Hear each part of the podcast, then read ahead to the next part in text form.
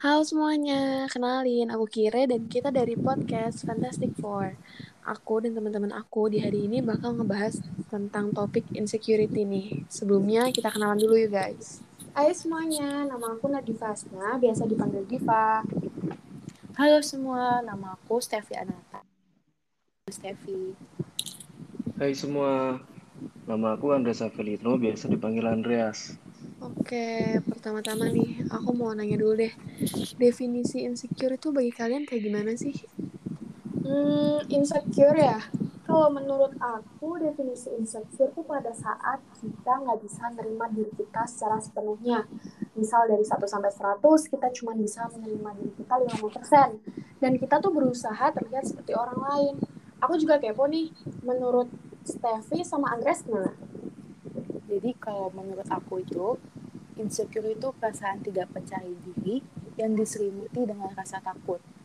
Yang membuat diri sendiri itu menjadi membanding-bandingkan dengan orang lain. Dan selanjutnya terus membanding-bandingkan diri. Terus kalau menurut Andreas gimana nih? Wih, keren-keren ya. Kalau menurutku itu perasaan tidak percaya diri yang dia yang diakibatkan dari banyak faktor, tergantung orang yang mengalaminya.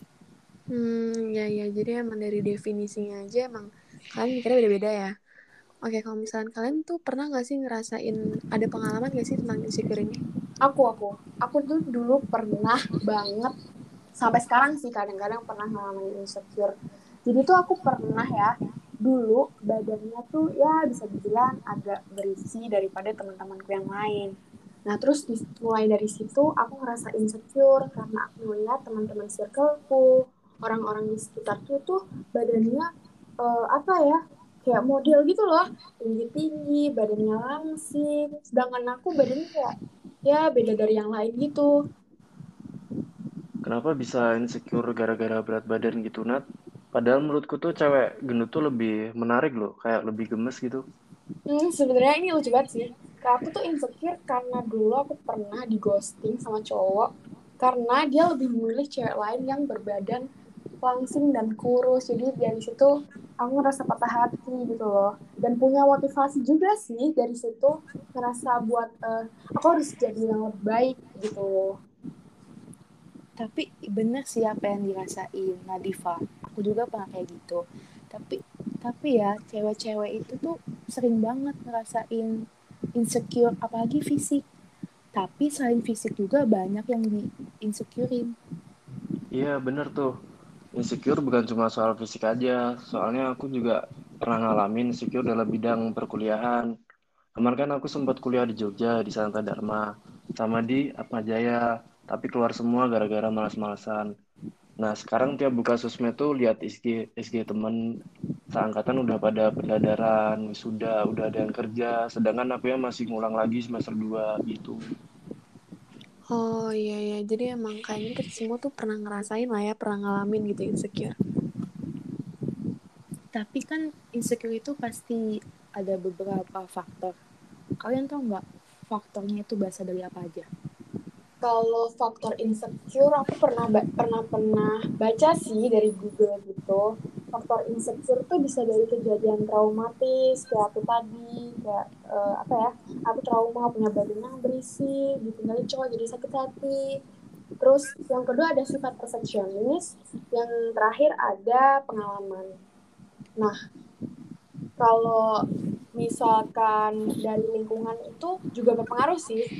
Aku juga kan uh, masalah yang tadi tuh yang aku ceritain itu berpengaruh gara-gara lingkungan. Lingkungan aku tuh pada cantik-cantik tuh.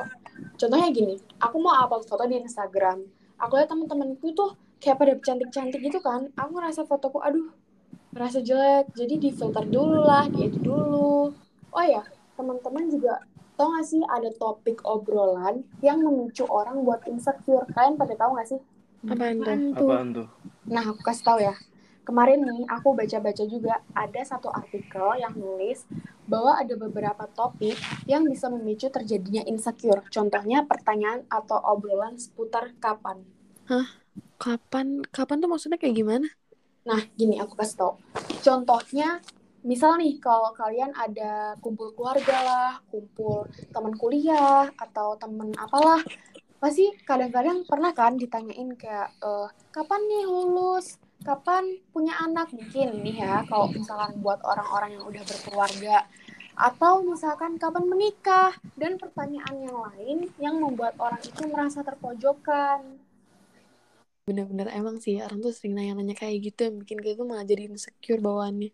Iya selain pertanyaan seputar kapan obrolan topik lainnya tuh bahasanya tuh yang memicu insecure. Kadang-kadang orang tuh bahas tentang masa lalu kita. Padahal kan masa lalu tuh ya kadang-kadang kan ada yang jelek ada yang bagus. Kan nggak semua orang punya masa lalu yang bagus kan ya?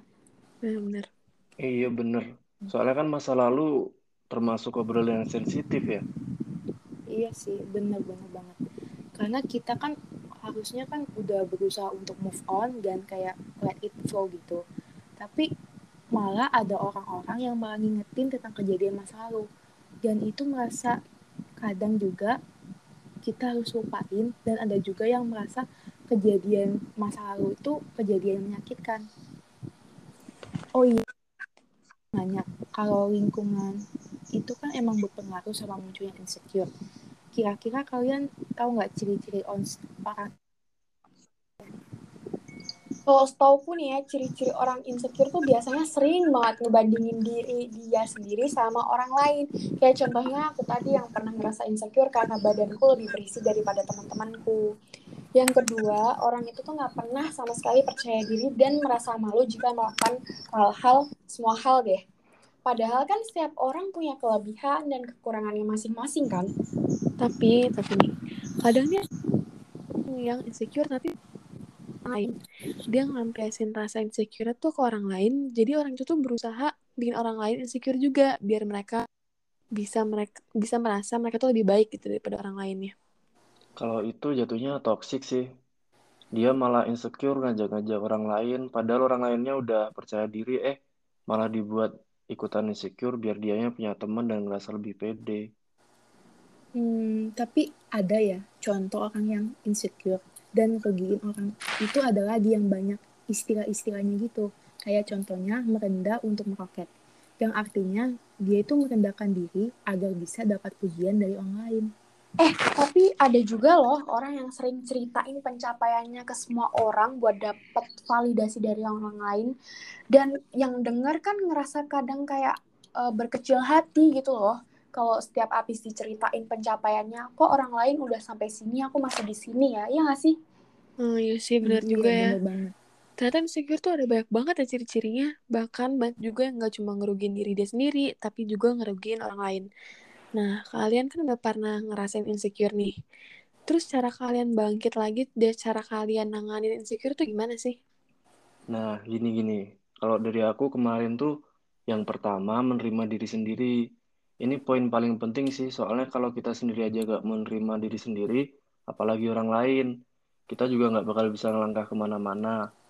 Terus yang kedua memaafkan masa lalu sama menjadikan kegagalan sebagai motivasi. Contohnya kayak kemarin aku udah gagal berapa kali masa yang ini bakal gagal lagi? Kan kali ini harus berhasil. Yang lalu juga udah biarin berlalu aja soalnya kita udah nggak bisa ngerubah masa lalu itu kan jadi jadi diterima aja. Kita harus menerima masa lalu maafkan masa lalu dan belajar dari masa lalu tersebut gitu. Ih, sumpah keren banget kata-katanya Andreas, tapi aku bener-bener setuju sih. Karena langkah utamanya itu emang harus menerima segala kekurangan dalam diri kita sendiri, dan kita juga harus punya niat yang kuat buat gak ngerasa insecure lagi. Tapi gak gampang loh ya buat ngelakuin itu semuanya, karena semua itu butuh proses dan usaha. Apalagi kalau misalkan diri kita sendiri tuh pernah ngerasa trauma karena dibully, contohnya dibully masalah fisik atau hal lainnya yang jadiin diri kita insecure. Hmm, benar-benar. Kalau masalah itu tuh masalah trauma tuh ya, pasti bakal lebih susah sih buat kita bangkit dari rasa insecure-nya. Mm-hmm. Karena kan pasti keinget mulu tuh sama trauma kita ya sih. Iya. Ternyata orang-orang yang insecure tuh banyak banget ya, bahkan kita semua, kalian juga semuanya pada pernah insecure gitu faktor insecure juga ada banyak banget ternyata mulai dari trauma sampai lingkungan sekitar dan yang terakhir itu tipe-tipe orang insecure tuh ada bermacam-macam juga ya ternyata bahkan ada juga yang sampai ngerugin orang lain kayak yang tadi kalian ceritain dan kalian jelasin juga sebenarnya itu insecure wajar sih untuk buat kita mengimprove diri sendiri. Asal kita itu nggak terlalu berlama-lama dengan rasa insecure dan mau untuk keluar dari rasa insecure tersebut. Setuju banget. Jadi emang insecure tuh wajar banget ya. Kayaknya kita semua pasti pernah ngalamin. Ya itu tadi sih bener kata Steffi. Asal kitanya nggak terlalu berlarut-larut gitu. Wah seru banget ya. Iya, seru banget, sumpah. yang aku dapetin juga loh. Oke, tapi kayaknya cukup segini aja kali ya obrolan kita hari ini. Jangan lupa semuanya untuk kalian semua yang ngedengerin, untuk follow podcast kita dan tambahin ke playlist kalian. Karena kita obrolan seru tiap minggunya. Thank you ya Steffi, Diva, sama Andreas udah nemenin Thank aku di podcast hari ini. Iya, Oke, sama-sama. thank you juga Thank semua. Oke, bye guys. Bye, guys. Bye Bye, teman-teman, bye semua.